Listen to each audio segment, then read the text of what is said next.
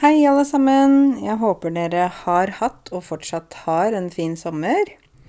Ehm, jeg har tatt litt ferie i sommer, og det har vært deilig. Jeg kan ikke alltid jobbe, men når man har en egen bedrift, så er det sånn at man ikke kan ta 100 eh, fri når man er på en måte eier og daglig leder. Så jeg har jo jobba litt innimellom. Jobbe innimellom betyr at man jobbe liksom Kanskje sjekke noen e-poster, svare på noen telefoner og sånn, men at man ikke sitter ned og jobber da åtte timer i strekk. Å jobbe i strekk, vi sier i strekk, det betyr altså å jobbe uten stopp. Hvis man sier at jeg har jobba åtte timer i strekk, så har du på en måte jobba åtte timer uten at du har tatt en lang pause, da. Kanskje du har tatt småpauser, men du har, har jobba ganske intensivt. Så jeg har ikke jobba i strekk, men jeg har jobba innimellom. innimellom. Jeg sier det litt fort, merker jeg. men eh, for min del har det vært en norsk sommer. Eh, jeg starta på en måte sommeren med koronavaksine. det var, fikk jeg 5. juli, tror jeg det var. Eh, og det var eh, jeg veldig glad for. Fordi at øh, jeg, øh, jeg bestemte meg for at jeg ville ta vaksinen. Det er jo veldig mange forskjellige diskusjoner rundt det. Uh, men jeg bestemte meg for at jeg ville ta den. Fordi at jeg har lyst på mer frihet etter hvert. Jeg savner å reise. Jeg savner å lage podkast om å reise og fortelle dere om alle de spennende stedene jeg har vært. Um, jeg er en verdensborger. En borger er jo en person som bor et samfunn eller et land, ikke sant. Jeg er en borger i Norge, jeg er også en borger i Oslo. Um, men jeg, jeg, anser meg selv, og anse det på en måte se på seg selv, da. Jeg anser meg selv som en verdensborger. Og jeg har behov for å ikke bare være i Norge, men også være ute i verden, i forskjellige land. Uh, og hvis jeg har um, tatt vaksiner og er eh, full, fullvaksinert, så er jeg da på en måte, I hvert fall er det mye lettere for meg å reise rundt, for da får jeg jo dette koronapasset, koronasertifikatet, og kan lettere bevege meg eh, rundt. Og i tillegg er jeg tryggere, ikke sant, fordi at jeg har vaksine. I hvert fall det tenker jeg. Det er jo masse diskusjoner rundt det. Jeg skal ikke gå inn på debatten ja til vaksine eller nei til vaksine. Det gidder jeg ikke. Men ehm, ja, ehm, sånn er det. Og jeg lagde jo en video på YouTube der jeg viser at jeg tar vaksinen, der du ser sykepleieren sette vaksinen på meg. Uh, og da fikk jeg jo uh, Og det gjorde jeg jo ikke bare fordi at jeg uh, liksom Jeg gjorde ikke det som å vise 'se på meg, jeg gjør alt riktig', men jeg gjorde det for å vise at jeg velger å gjøre dette her. for jeg vet at i en del innvandrermiljøer. Når jeg sier en del, så betyr det altså ikke alle. Så det er ikke Nå generaliserer jeg ikke, men jeg sier en del. Det betyr ikke én, to, men flere. I en del innvandrermiljøer så er det mange som ikke velger å ta vaksinen, som ikke vil ta vaksinen, av ulike grunner. Ehm, jeg er jo litt nysgjerrig på hvorfor det er sånn. Ehm, det kan jo være mange grunner til det. Men jeg vil i hvert fall vise at jeg tar den fordi jeg tenker at det er trygt å ta den, og at det går bra. Og så eh, får folk selv bestemme hva de vil gjøre. Men da kom jo selvfølgelig noen som kommenterte på YouTube, da. Det, det, er jo alltid sånn at, at, noen kommenterer. Da var det en som skrev Ja, Karense, er du fornøyd nå som du har fått giftsprøyten? Um, det var en kommentar. Det var en annen kommentar. Ja, Karense, nå har du blitt vaksinert mot et virus som 0,0001% dør av. Er du fornøyd? Det var en annen kommentar. En annen kommentar var Hvorfor gjør du dette, Karense? Din kanal på YouTube skal kun handle om norsk og norsk grammatikk. Eh, og hva er vitsen med at du kommer med denne videoen? Og dette er propaganda. Og dette er eh, Du eh, informerer nå om noe som kan påvirke andres meninger. Jeg skjønner ikke hvorfor de gjør det. Og da tenkte jeg at eh, vel, hva jeg velger å gjøre på min kanal, bestemmer jeg selv. Og dere vet, det som har fulgt meg i mange år, dere vet jo at min kanal inneholder flere ting, ikke bare norsk og norsk grammatikk. Det ville blitt veldig firkanta hvis jeg kun skulle liksom Ok, vi skal bare snakke om grammatikk, og bare snakke om norsk språk og ord og uttrykk, og vi må glemme samfunnet, vi må glemme dagsaktuelle temaer. Vi, jeg skal bare snakke om språk isolert. For jeg tenker at språk og kultur henger sammen. Man kan ikke se språket alene uten å ta med kultur, tradisjoner, eh, liksom eh, væremåte og alt det. Det er en del av språket, og språket er en del av det. Det liksom det henger sammen. Det sier vi når noe henger sammen, betyr at det har en link, eller at det, ja, det passer sammen, på en måte. Den, vi kan ikke se på den ene uten å se på den andre, ikke sant? Um, og jeg er jo opptatt av at dere skal være oppdatert i samfunnet på ting og følge med. Uh, nå er det snart valg, ikke sant, i september. Selvfølgelig kommer jeg til å lage en video om valg. Og valg er jo politikk. Det er ikke nødvendigvis norsk grammatikk. Men det er et tema. Det er noe som skjer nå, liksom. ikke sant? Og da, da lager jeg video om det. Så um, hvorfor sier jeg alle disse tingene her? Jo, jeg sier det fordi at uh, Ikke fordi jeg skal forsvare meg selv og si at ja, jeg gjør dette fordi sånn og sånn. Men jeg sier det fordi at Ehm, jeg opplever jo at folk er veldig sånn raske med å være kritiske og irriterte og sinte. Det er så mye sånn Det har jeg snakket om før, at folk sitter og liksom skal liksom Nei! Å, nå blir jeg forbanna, nå blir jeg sint, liksom ved hver minste lille ting. Um, så tenker jeg at uh, vi gjør det vi gjør. Vi gjør det vi velger å gjøre, alle sammen. Um, og så Jeg syns at vi bør la folk få lov til å gjøre det folk gjør. Altså jeg legger meg ikke borti hva andre gjør. Å legge seg borti noe betyr å blande seg med hva andre gjør og driver med. Uh, så jeg legger meg ikke borti hva andre gjør. Så jeg syns det er så rart at noen da uh, sier at jeg jeg skal ikke ha sånne videoer. Så sier jeg men jeg har ikke laget en regel på YouTube. Jeg har, jeg har ikke en lang YouTube-regelliste for hvordan min YouTube-kanal skal være, men ok. La gå. La gå betyr eh, Det får bare være sånn. Men eh, nok om det og korona og sånn. Jeg har tatt første dose. Gleder meg til å bli ferdig med andre dose. Gleder meg mest til å reise. Åh, da skal jeg bare rope ut av glede når jeg sitter på den flyplassen og har billetten i hånda og skal reise et sted. Å, så det gleder jeg meg til. jeg vet ikke, dere har sikkert, Noen av dere har sikkert reist i sommer. Det er eh, noe som eh, jeg tenkte at mange kommer til å reise i sommer. Mange har ikke sett familien sine på lenge. De savner å reise til hjemlandet, eller bare savner å komme seg litt bort. Um, så hvis det er noen av dere som har lyst til å skrive om sommeren deres, hvis dere har hatt en spennende sommer, så kan dere jo gjerne gjøre det. Kan dere sende meg en eh, e-post, og så kan jeg gjerne lese litt sommeropplevelser i neste eh, podkast. Det er jo fortsatt sommer. Um, men jeg har tatt fly i sommer. Uh, jeg var i Ålesund. Uh, og det var nesten sånn rart vet du, å sitte på fly, gå inn på flyplassen, hele den der uh, pakka der. altså, jeg kjenner Gardermoen Gardermoen er den flyplassen i Oslo. Jeg kjenner Gardermoen som min egen lomme. Det er også et uttrykk. Å kjenne noe som sin egen lomme, det er at man, man Hvis du putter hånda i lomma, ikke sant, på buksa di, så du, du, kan kjenne alle hjørner og kriker og kroker i lomma. Så du kjenner det, for det er så nært og kjent. Mens hvis jeg sier at jeg kjenner Gardermoen som min egen lomme, eh, så betyr det at jeg kjenner Gardermoen veldig godt. Jeg vet hvor uh, liksom de fleste stedene, restaurantene, alle gatene uh, Ja, jeg kjenner, vet hvordan jeg går i sikkerhetskontrollen. Jeg vet hvordan jeg registrerer meg billett. Jeg gjør alt veldig fort fordi jeg har reist så mye. Så eh, jeg var i Ålesund en tur for å ta en liten sånn tur i Norge, da. Og jeg syns jo Ålesund er en fantastisk vakker by. Eh, for de av dere som ikke har vært der, så er det jo sånn at Ålesund eh, er en by som er litt sånn kanskje lille Venezia. Dere som snakker engelsk, sier Venice, men uh, på italiensk sier man Venezia. Venezia!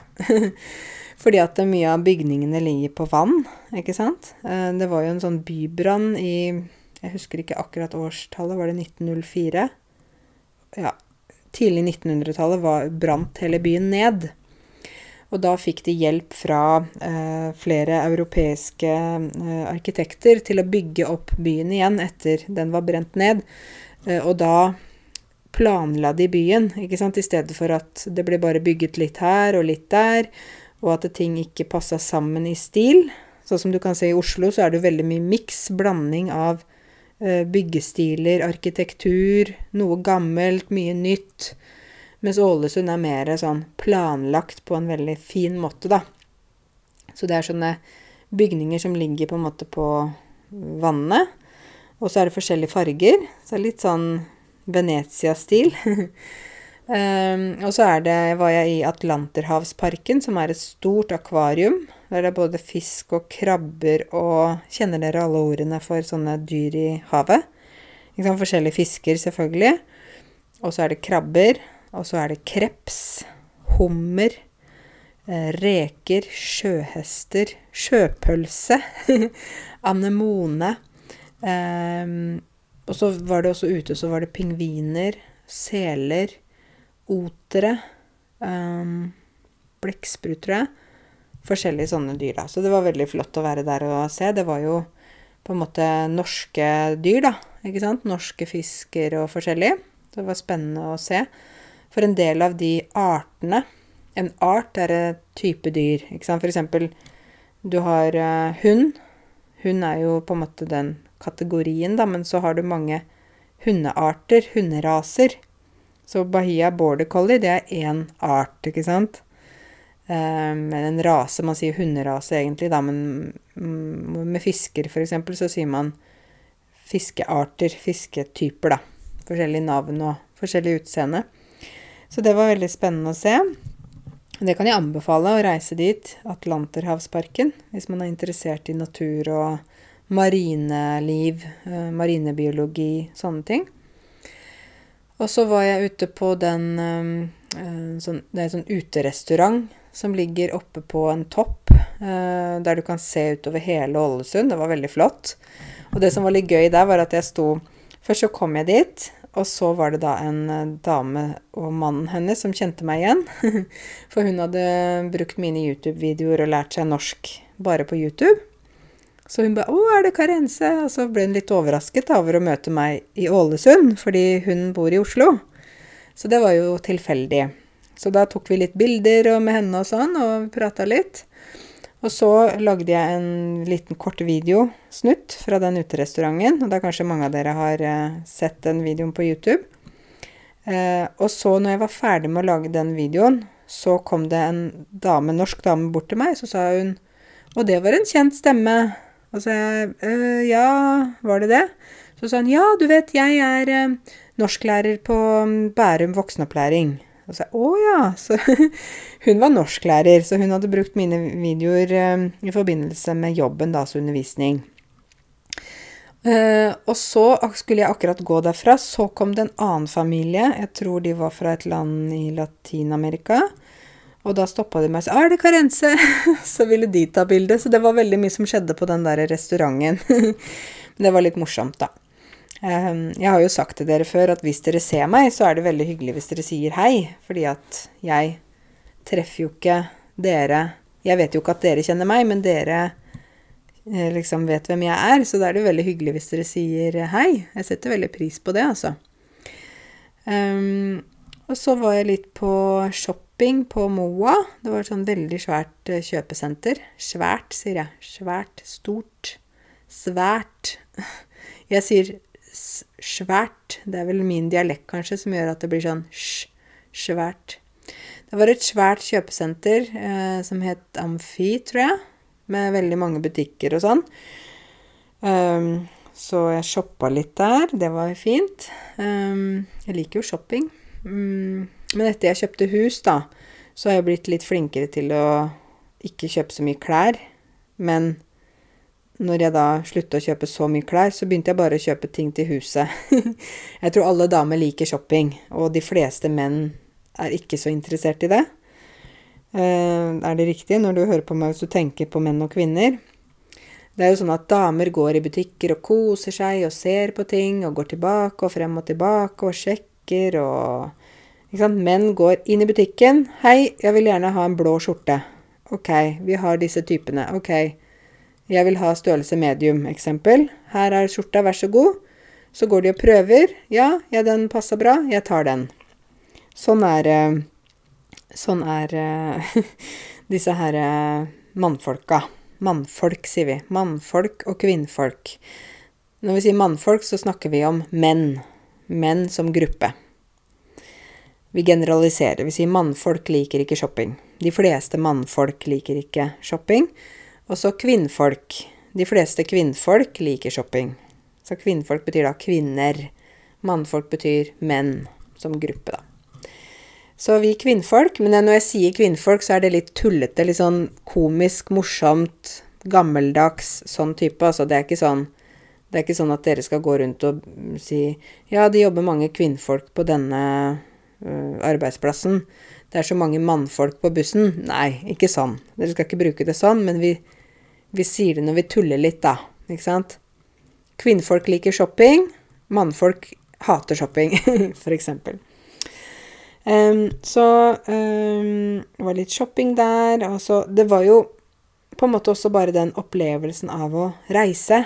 Bare det å sitte Liksom gå på Gardermoen, gå på sikkerhetskontrollen, inn der, spise litt, inn på gaten, inn på flyet, ta på sikkerhetsbeltet, høre disse sikkerhetsinstruksjonene som jeg har hørt en million ganger før, som alltid er det samme. Welcome to this flight to Ålesund. We are now ready for departure.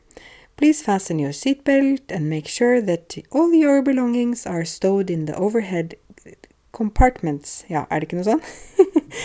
Den derre der greia der jeg har hørt million ganger. Det er morsomt, da. Um, og så bare det å kjenne liksom at flyet letter. Vi sier det. Å lette betyr at noe Det er et verb. Å lette betyr at noe går opp i lufta rolig. Flyet letter. Eller uh, helikopteret letter.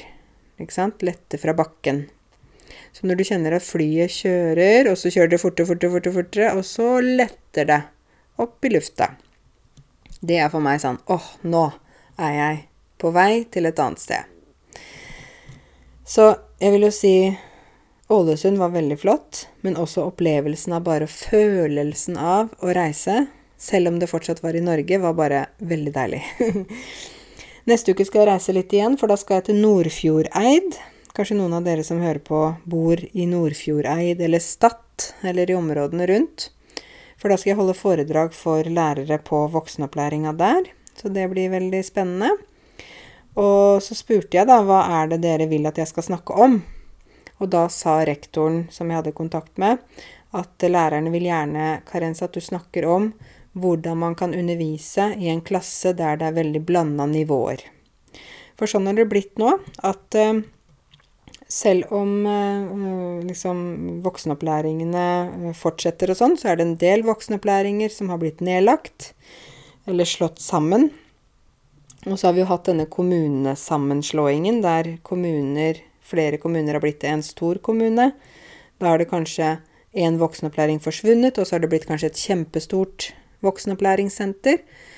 Um, og så kommer det færre innvandrere. Det kommer jo ikke flyktninger til Norge pga. korona. Uh, det kommer generelt ikke så mange innvandrere som det har gjort i mange år.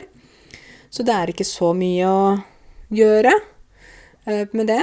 Uh, og da Det som skjer da, er at i stedet for at du har én klasse med A1, 20 stykker med A1-nivå, og så en klasse med A2, 20 stykker med A2, så putter man da Man kan putte A1 og A2 sammen, f.eks.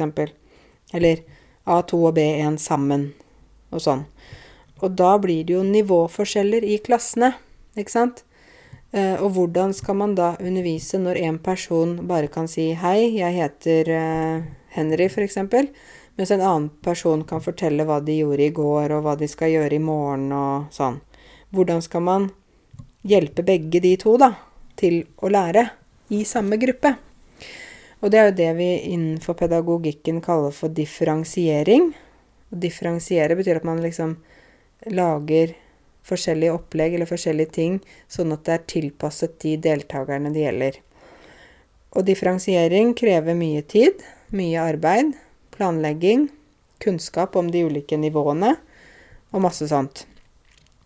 Um, så det skal jeg snakke om med lærerne. Prøve å gi dem noen tips og noen ideer til hvordan de kan jobbe når de har blanda grupper. Sånn at det kan bli god undervisning, interessant og spennende for alle. Sånn at det ikke blir for vanskelig for de som har lavt nivå, eller for kjedelig for de som har høyt nivå. så det er, eh, det er sånn Det krever en del kunnskap, erfaring, planlegging og kreativitet for å få til det. Så det blir spennende å reise til Nordfjordeid. Jeg var jo der i fjor, og så ble jeg bestilt igjen. Så jeg er så glad for det. Det er veldig hyggelig. Hyggelig å komme tilbake. Og jeg husker at i Nordfjordeid så hadde vi et kjempeflott lokale på et uh, sånn stort rom med masse plass i forhold til smittevern og sånn, så det var bare så deilig. Og så var det veldig god mat, og ja, jeg likte meg der. Og så er det så vakkert på Vestlandet i Norge. Altså, det er virkelig det er nesten sånn at man mister pusten. Det er sånn wow, så fantastisk vakkert. Um, så hvis dere ikke har vært på Vestlandet, så ta dere en tur. Ta dere en kjøretur eller noe sånt hvis dere har mulighet en gang. For det er så fantastisk. Det er høye fjell, masse grønt, eh, flotte steder å stoppe. Altså det er virkelig sånn, man sier på engelsk, breathtaking. Det er helt fantastisk vakkert. Så når jeg kjører på Vestlandet og sånn, så, så, må jeg stoppe mye. Og hvorfor? Fordi det er så pent. Det er så mye pent å se. så jeg må stoppe og bare beundre uh, det jeg ser. Altså å beundre betyr at man liksom Man ser på noe med sånn wow. Ikke sant? Man står liksom og tenker 'oi, det var fantastisk'. Hvis du beundrer noen, da kan det være enten en person som du ser opp til, som du syns er veldig flink eller dyktig eller inspirerende eller noe sånt. Men du kan også beundre noen du liker sånn romantisk, ikke sant. At det er en mann som beundrer en kvinne, f.eks. Det er sånn Oi, wow, hun er så vakker og, og nydelig og snill og god, ikke sant. Så ja. Jeg beundrer, jeg beundrer moren min, faktisk, for at hun er så positiv. Det beundrer jeg mamma for, for mamma er alltid veldig positiv. Hun er sånn Hun ser liksom alltid mulighetene i alt. Hun ser ikke problemene, hun ser ikke vanskelighetene, eller hun, hun tenker ikke negativt sånn som mange tenker negativt, men hun, hun ser ja, men det skal vi ordne, det skal vi fikse. Vi finner en løsning. Hun er en sånn type, da. Og jeg syns det er så fint når man har en sånn eh, holdning i livet at eh, ting løser seg, ting ordner seg. I stedet for å tenke negativt og pessimistisk, så tenker hun heller løsning, da. Hvordan skal vi løse dette her? Eller hvis jeg sier til henne Åh, mamma, nå har det vært så mye dårlig vær. Så, kan, så sier hun Ja, men det var jo for, sol i forrige uke. Eller det blir sol neste uke. Altså hun, hun vil liksom ikke gå inn i det som er negativt. Hun vil ikke bruke tid og energi på det. Hun vil fokusere på det som er positivt, og det som er lett og godt. Så det beundrer jeg min mor for. Takk, mamma, for det. ja. Men øh, jeg må fortelle dere også om øh, Jeg var i bryllup nå i sommer. Kanskje noen av dere har sett på Facebook-gruppa og på Instagram-kontoen min. Uh, da var det naboen uh, ved huset der jeg bor. Hun nabojenta skulle gifte seg.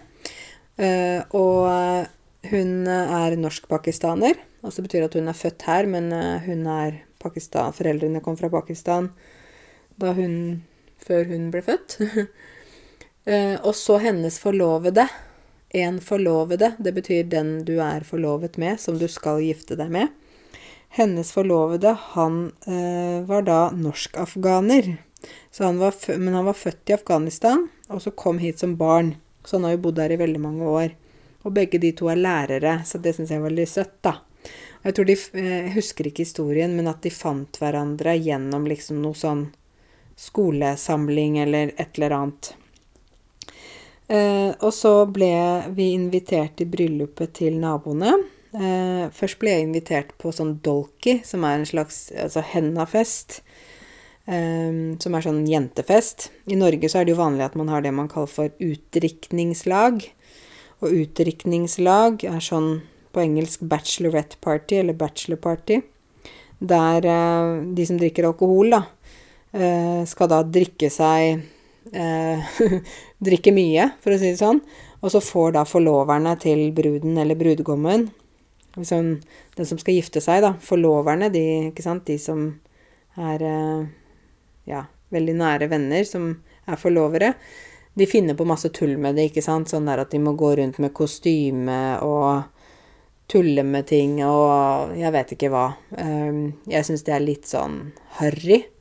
Kjenner dere til ordet harry? harry er noe som er litt sånn ikke stilig, ikke elegant. Litt sånn Virker litt sånn billig.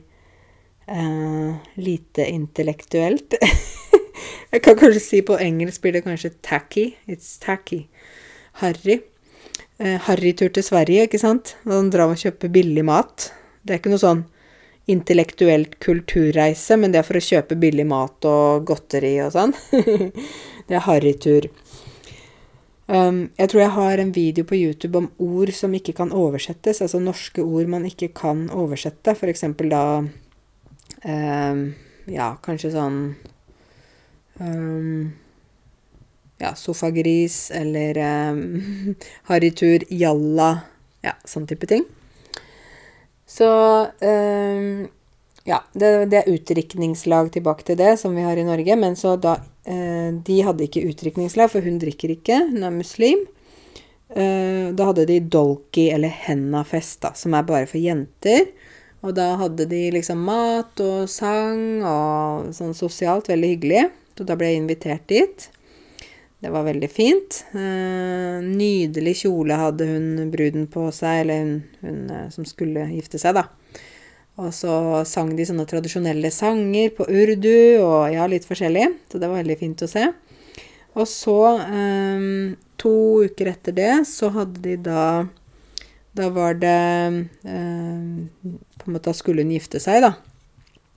Så på fredag, da, så var det mer sånn bare for jenter, eller var henna fest. Da, da, er det egentlig tradisjonelt sånn at bruden får henna, altså hennamaling, på hendene sine og sånn. Og at man pynter hverandre, men sånn, de praktiserer ikke sånn nå, egentlig. Da har de allerede fått henda på hendene. har noen av dere fått henda før? Sånn hennamaling. Eh, så det en sånn fin dekor. Og så eh, har de da mat og dans og sånt noe. Og det som var veldig fint å se, var jo at det var jo folk uh, fra forskjellige kulturer der. Det var mye norsk-pakistanere, og så var det norsk-afghanere. Og så var det masse dans og sånn. Og særlig de afghanske hadde sånn utrolig flott uh, nasjonaldans uh, som bare var sånn veldig imponerende. De dansa alle likt. De dansa i takt. Å danse i takt betyr at man danser likt. De snurra rundt, og de hadde sånne flotte kjoler, og Nei, det var veldig flott å se på. Uh, og jeg fikk uh, låne klær fra en av mine nærmeste venninner, som er norsk-pakistaner. Så uh, hun lånte meg en sånn nydelig sånn kamis eller sånn type kjole med masse glitter, og den var så fin. og jeg liker jo veldig godt å pynte meg i sånne type drakter, og jeg syns det er veldig spennende, da, med forskjellige kulturer. Så jeg hadde på det. Eh, og så dagen etterpå, så var det Da var det selve bryllupsdagen, da. Eh, og da eh, hadde jo da mm, Da var det også De kunne jo ha maks 100 gjester, så det var ikke så mange som det vanligvis ville vært. Vanligvis ville det kanskje vært 200-300 mennesker, men nå var det 100. Og vi var på et lokale i Gjerdrum. Og det var litt spesielt å være i Gjerdrum også, for uh, dere husker jo det, det, det derre jordraset, eller eh, som var i jula, ikke sant, der det raste i Gjerdrum. Det var helt forferdelig. Um, og jeg kjørte faktisk uh, nesten forbi det når jeg dro til bryllupet, så det var eh, rart å se. Så det var, var i Gjerdrum. Um, og så eh, fikk, var det jo sånn at vi kom først, og så var det litt sånn mat og prat og sånn, og så kommer da Først kommer brudgommen. Brudgom er da mannen som gifter seg. Kommer han inn, og da var det sånn afghansk musikk, ikke sant. Og så etterpå kom eh, bruden inn. Og hun hadde på seg en nydelig, nydelig kjole. En fantastisk fin kjole som hun hadde bestilt fra Pakistan. Som var bare perler og glitter og Å, det var så fantastisk fint. hun var så vakker. Um, og så liksom da Da hadde de blitt gift allerede, da, for de hadde hatt en imam hjemme hos seg uh, og, og, gjort sånn såkalt nikah. Um, sånn at de var jo allerede gift, men dette var selve uh, festen, da. Uh, og det var igjen afghansk dans. Dere kan jo se på både på Facebook-gruppa mi og på Instagram, så ser dere av de Hvordan de dansa og, og sånn. Og så hadde jeg fått låne fra en annen norsk-pakistansk venninne av meg. Hadde jeg lånt sari, eller sari, som mange av dere kjenner til. Indiske tradisjonelle klær som jeg hadde på meg. Uh, og da måtte jeg få hjelp fra naboen her for å ta på meg den riktig. For det er ikke så lett å ta den på selv når man ikke kjenner til hvordan den skal sitte på kroppen. Så jeg måtte få litt hjelp av noen damer også når jeg kom frem til bryllupet, for da hadde den falt litt ned og sånn. Men det var i hvert fall veldig fint å ha på seg sånne klær. Og jeg var med og dansa, og vi spiste pakistansk mat, og det var dessert og kaker og frukt, og det var alt mulig. Det var veldig fint. Veldig spennende og flott å få være med på.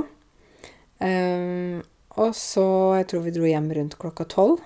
Uh, det syns jeg passer, da. Det er nok, liksom. Jeg har ikke noe sånn behov for å være på fester til klokka fire om natta. Sånn, jeg er ikke sånn type. Da blir jeg bare trøtt og sliten og lei, egentlig. Um, så jeg uh, syns klokka tolv, det, det, passer. Og så Det som er så fint, er at i sånne brylluper, da, der er det ikke alkohol. Og ja, dere vet jo før at jeg har snakket om det med alkohol og alkoholpress og masse sånt her i Norge. Så det er bare så deilig at det ikke er noe mas om det. Fordi som dere vet, så drikker ikke jeg. Jeg slutta å drikke for Nå er det to og et halvt år siden. Jeg pleide jo aldri egentlig å drikke mye heller før, fordi jeg, lik, jeg liker ikke liksom smaken av sånn alkohol. Jeg måtte alltid blande med masse brus og sånn, fordi jeg egentlig ikke likte alkohol. uh, mens uh, jeg syns det er så deilig å ikke drikke. Det er uh, Jeg trenger ikke det. Jeg har ikke behov for det. Jeg, uh, jeg, kan danse, jeg kan le, jeg kan snakke med folk, jeg kan være sosial uten å drikke. Men jeg vet at noen trenger det å, fordi de er så sjenerte eller sånt, for at de klarer ikke å snakke med nye folk, eller de klarer ikke å slippe seg fri, løs, for å liksom De må ha alkohol, da, for å klare det. Men for min del er det ikke sånn. Jeg bare ja. Jeg er veldig sosial, så jeg syns det er deilig å ikke drikke. Og i sånne bryllup så er det ikke et spørsmål om drikking eller ikke drikking, fordi uh, ingen drikker. Man skal ikke drikke. Så det er bare helt fantastisk. veldig deilig. Uh, ja. Og dagen etterpå så fikk jo vi besøk av naboen, altså pappaen til bruden. Uh, og han kom bort med kake til oss, fordi de hadde jo en fantastisk bryllupskake. Tre etasjer og veldig vakker. Og så hadde de uh, opp kake og sånn, ikke sant, på bryllupet, men altså, folk var så mette, og de hadde ikke plass til kake. Og det var liksom ikke Ja, sånn at uh, det ble um, ikke spist opp. Så det han gjorde, var at han driver en restaurant nede i byen. Så han hadde tatt med seg masse kake til gjestene på restauranten. Så han ga bort gratis kake og kaffe fordi at det, det var ikke spist opp. Og så spurte jeg han hvor mye penger brukte dere på kaker, da? Og så sa han, og jeg holdt på å få sjokk, han sa de hadde brukt 20 000 kroner på kake. jeg tenkte det er jo en månedslønn. Ikke sant? En månedslønn på kaker. De hadde kjøpt brudekake, makroner, cupcakes, porsjonskaker og alt mulig. 20 000 kroner. Og så sa han til meg at de hadde brukt de hadde sånn røyk på gulvet når, de, når brudeparet skulle danse den brudedansen. Og den eh, kosta altså 10 000 kroner for røyk. Bare sånn. ja. Og jeg tror de hadde brukt 40 000 kroner på brudekjolen, og kanskje 20 000 kroner på den eh, kjolen hun hadde på dag én, på hennafesten. Så det går enorme summer. Enorme mengder med penger på sånne bryllup. Eh, og jeg forstår jo godt hvorfor foreldre må begynne å spare tidlig. Ikke sant. Begynne å spare til bryllup til barna sine. For det er jo så dyrt. Det er kjole, det er lokale, det er gaver, det er gull, det er penger. Det er mat til alle gjestene. Det er fotograf, det er ka øh, ja, mat Ja, det er så mye. Så jeg forstår godt at øh, de må spare lenge, fordi det der er ikke billig. I Norge så Jeg har jo laget en podkast om bryllup i Norge før, men sånn i Norge er det jo mye enklere. En del velger å ha små bryllup, um, men det er ikke så kanskje store forventninger. Forventning betyr at man har en slags idé om hvordan noe skal være før det skjer. Så det er ikke så store forventninger om hvordan ting skal være, og hvordan ting må være, og sånne ting. Det er mer sånn at man uh, Ja, man samles for å feire at noen har gifta seg og sånne ting, men det er ikke sånn regler på ting. Det er hvordan det må være, liksom. Så det er litt uh, annerledes. Men uh, det var et fantastisk bryllup. Det var veldig flott og veldig sånn en minnerik dag. Minnerik betyr fullt av minner, masse minner. Så det var veldig flott. Så jeg er veldig glad for at de hadde en så fin feiring. Så nå er de gift. Og nå har jo da uh, hun Mispa, som hun heter, hun har nå flyttet sammen med sin mann. Um, og det er jo veldig sånn forskjellig fra norsk um, måte å gjøre ting på. For i Norge så er det sånn at vi flytter ut Det har jeg fortalt dere mange ganger før. Men vi flytter ut når vi er 18, 19, 20 for, for å studere eller for å jobbe, men vi flytter ofte ut. Mens i en del sånne kulturer så flytter man ut når man er gift. Så det er jo veldig rart for oss at man bor hjemme så lenge til man er gift. Altså hun var 27 år. Uh, ikke sant? Men da, det er veldig vanlig i veldig mange land og kulturer, men ikke i Norge. I Norge er det motsatt. Det er forventet at man skal flytte ut når man er 18-19 år. Da er det liksom da er det ut. Mens i andre land så er det sånn nei, du må først bli gift. Så det er veldig forskjellig hvordan det er. Men uh, mange beholder jo på en måte den kulturen selv om de bor i Norge, da. Så selv om hun nabojenta er født og oppvokst i Norge, så følger de likevel på en måte pakistansk, eh, muslimsk vei. Um, men det, ja, det er veldig forskjellig, altså. Men uh, det er bare interessant hvordan jeg synes egentlig det er interessant også hvordan en del samfunn, altså ulike kulturer, på en måte har bare bevart Å bevare betyr at man passer på noe, eller eh, ikke ødelegger noe, eller at eh, f.eks. å bevare fred i et land, da, da, holder man på freden, man vil ha det fredelig. Fredsbevarende styrker betyr type militære som jobber for fred. Um, å bevare tradisjoner betyr at man passer på tradisjoner slik at de, de fortsetter å være sånn. Uh, og det som jeg da syns er fascinerende, er at en del kulturer der, altså Noen av de første som kom til Norge, da, ikke sant, det var jo tyrkere, marokkanere, pakistanere, indere. En del eh, ja, tunisere eh, Vietnamesere også. De kom jo som flyktninger, da. At de i mange av disse gruppene så har de beholdt den eh, tradisjonen eller kulturen fra hjemlandet veldig sånn sterkt. De har på en måte bevart det veldig her i Norge. Uh, de har bevart det så mye som at uh, en god venninne av meg som er norsk-pakistaner, sa at, norsk, at pakistanere i Norge de er mye mer tradisjonelle enn pakistanere i Pakistan. Fordi hun, hadde, hun har reist en del til Pakistan. Hun hadde vært i Islamabad hovedstaden. Og hun sa det at i Islamabad er det jo kjempemoderne. Der er det jo ikke sånn, sånn som det er her. Mens her i Norge så, så er det jo mange som praktiserer det samme levesettet, eller samme måten å leve på som, som foreldrene eller besteforeldrene som kom på 60-, 70-, 80-tallet gjorde. Så de har bevart det samme levestilen, samme måten å være på som da, la oss si 1970. Men det er jo Det er jo 50 år siden, ikke sant? Eh, og det er ganske interessant at eh, man da blir mer tradisjonell i det nye landet, da, enn det opprinnelige landet man kommer fra. Fordi der er det jo en utvikling, ikke sant? Det er et samfunn som er i, i i utvikling. Mens når man har på en måte tatt med seg samfunnet derfra til et annet land, så blir det, holder man veldig på tradisjonene og prøver å bevare det som var. Um, så det syns jeg er ganske interessant. Hvordan, hvordan kulturene kan uh, ut, liksom være, da. Selv om man er i et annet land. Um, jeg vil jo tro at nordmenn også, som f.eks. reiste til Amerika på midten av 1800-tallet, ikke sant, de prøvde jo da å lage sitt eget lille Norge i USA. Og de var jo da veldig opptatt av norske tradisjoner og norske Og det ser jeg jo også de norske amerikanerne i dag. Eller de som har norske røtter. Du vet røtter? Det er når du har et tre eller en blomst, så har det røtter ned i bakken som det suger vann fra, ikke sant? Og røtter er det vi kommer fra. Røtter er det som gjør oss til den vi er. Så de har røtter fra Norge. Norsk, de er norskamerikanere. Og de er jo veldig opptatt ofte av Norge, norske tradisjoner og kultur og sånn. Mens kanskje nordmenn selv som bor i Norge, ikke er så opptatt av det alltid. så det er litt forskjellig. Um, men jeg tror det er naturlig når man flytter til et land også, at man Altså sånn som dere også.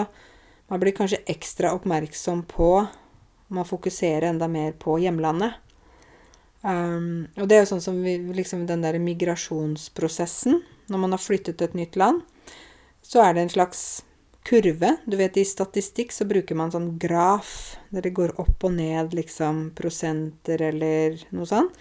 Hvis du ser for deg en graf som er sånn at uh, du kommer til Norge da er du liksom Det går en sånn bue opp. Du er sånn Yeah, nytt land! Så spennende! Å, her er alt så spennende! Wow, det er så spennende, ikke sant? Norge er kjempespennende, og det stedet jeg bor, og naturen, byen, menneskene, språket, mat Alt er spennende.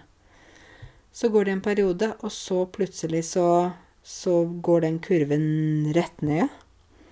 Så begynner man å få hjemlengsel, sier vi på norsk. Hjemlengsel, det, det er da sånn eh, homesickness på engelsk. Man får hjemlengsel. Begynner å tenke veldig mye på hjemlandet. Savner hjemlandet. Tenker på familien. Savner maten. Savner alle tingene som man kan gjøre der. Begynner å sammenligne det nye landet, kanskje Norge, med hjemlandet. Og I Norge spiser de kald lunsj, men i mitt hjemland da spiser vi varm lunsj. Og varm lunsj er mye bedre enn kald lunsj. I Norge så er eh, folk mye inne, og de er ikke sosiale, mens i hjemlandet mitt så er folk ute på gata, de snakker med hverandre, de er veldig åpne. Så begynner man sånn å sammenligne, ofte med veldig fokus på at hjemlandet er mye bedre enn det nye landet. Det er veldig normalt å gjøre dette her, altså. Det har jeg gjort selv når jeg har bodd i forskjellige land. Eh, og så eh, Etter hvert så på en måte begynner man kanskje igjen å like det tingene i det nye landet samtidig som man er opptatt av hjemlandet, så man får en slags blanding da, av nytt og gammelt land. og så finner man etter hvert så Man vil aldri komme helt opp der man kom når man først kom. Så blir det sånn Å, alt er spennende! Norge! Å, wow! Men man vil heller aldri kanskje komme helt ned der man bare, bare tenker på hjemlandet. Men man vil komme på en slags mellomnivå, der man er Man savner hjemlandet og er veldig glad i det. Samtidig så tar man det nye landet også inn, og aksepterer at man bor i et nytt land. Uh, nytt språk, ny mat, ny kultur, uh, alt mulig. Og så begynner man å like det også.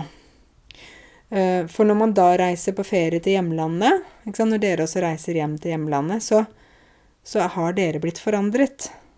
Selv om du tenker at nei, men du er den samme som før og sånn.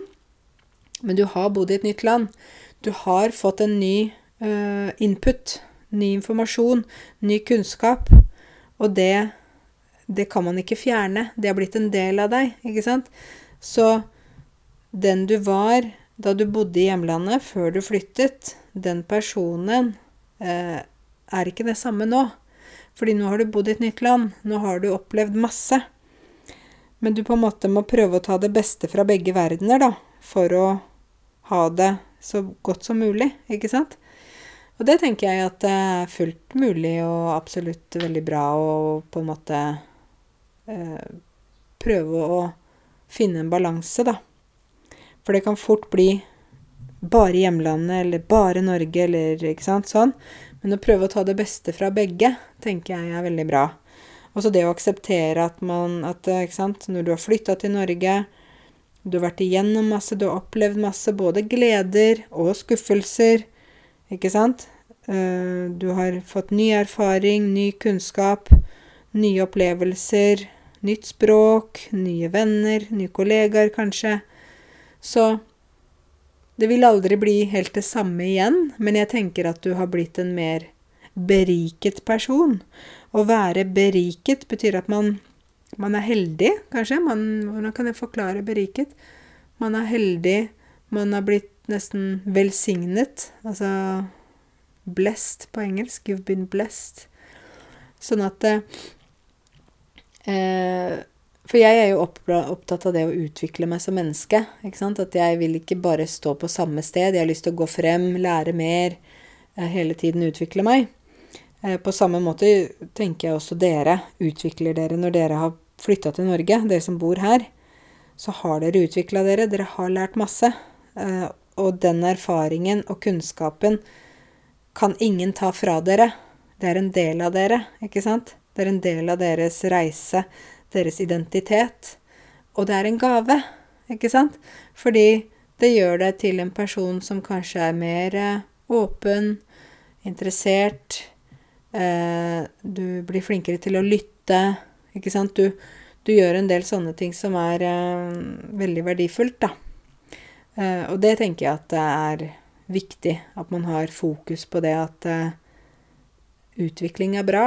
Og det å lære nye ting, være nye steder og sånn er bra, selv om det også er vanskelig.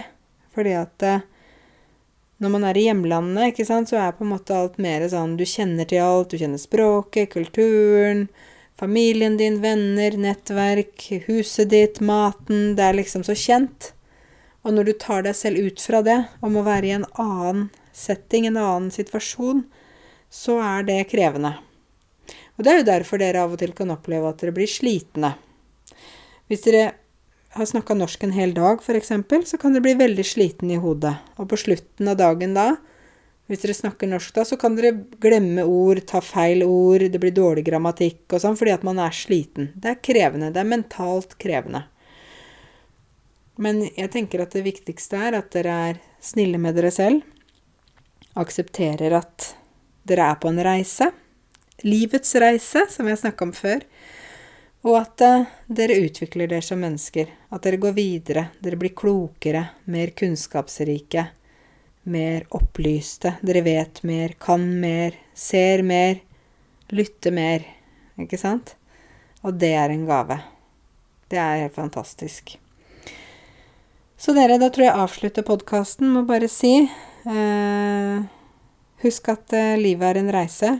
Husk at hverdagene er hverdagene. De kommer og går. Vi har oppturer, vi har nedturer.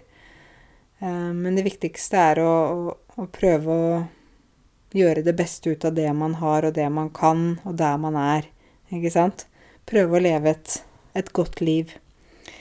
Så dere som vil sende meg noen ord fra ferien deres, gjør gjerne det. Så kan jeg lese noen feriehistorier eller ferieminner.